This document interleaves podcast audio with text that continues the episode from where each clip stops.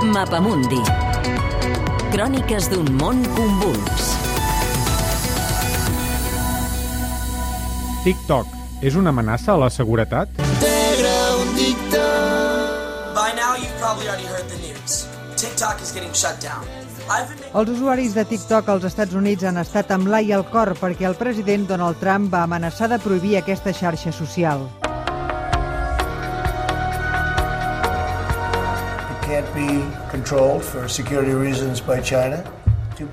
Donald Trump acusa TikTok d'espiar per a la Xina. Què hi ha darrere d'aquestes acusacions? TikTok espia?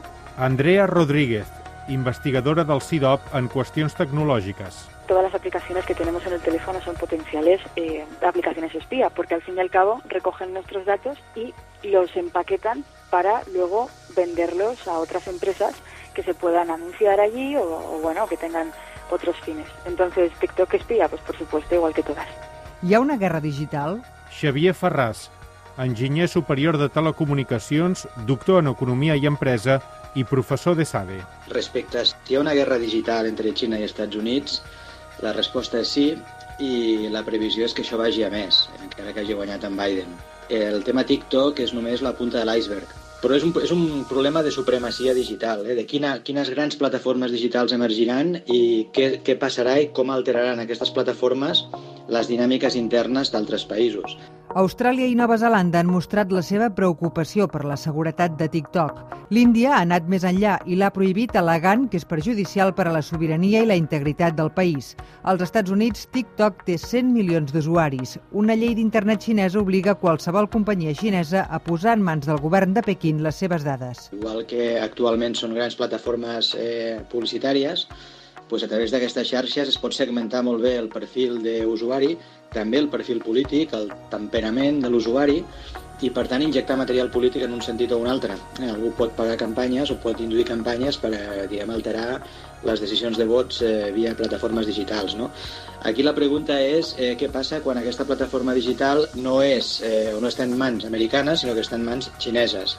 En el conflicte per TikTok també hi ha un paral·lelisme amb el que passa amb la tecnologia 5G de Huawei i la pèrdua d'influència dels Estats Units a favor de la Xina. Todas las redes sociales populares que han entrado en el mainstream son estadounidenses. Facebook, Snapchat, WhatsApp e Instagram que pertenecen a Facebook. Todas las que se utilizan más en, en el día a día, LinkedIn, son empresas estadounidenses de Silicon Valley, Twitter, ¿no?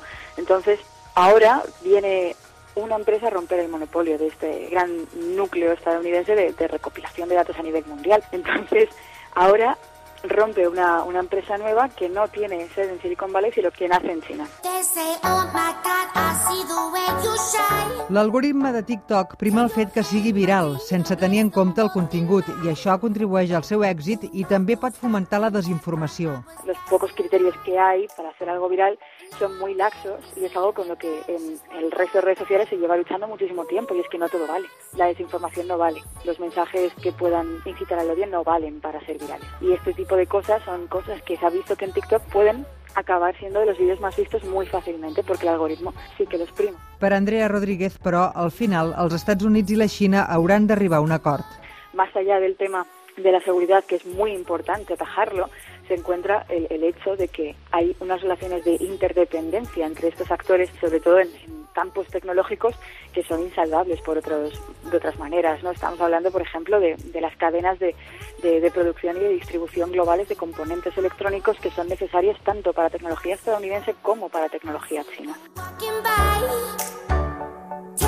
És un reportatge pel Mapamundi de Mireia Sala amb el muntatge musical de Jordi Galbany, disponible al podcast del Mapamundi.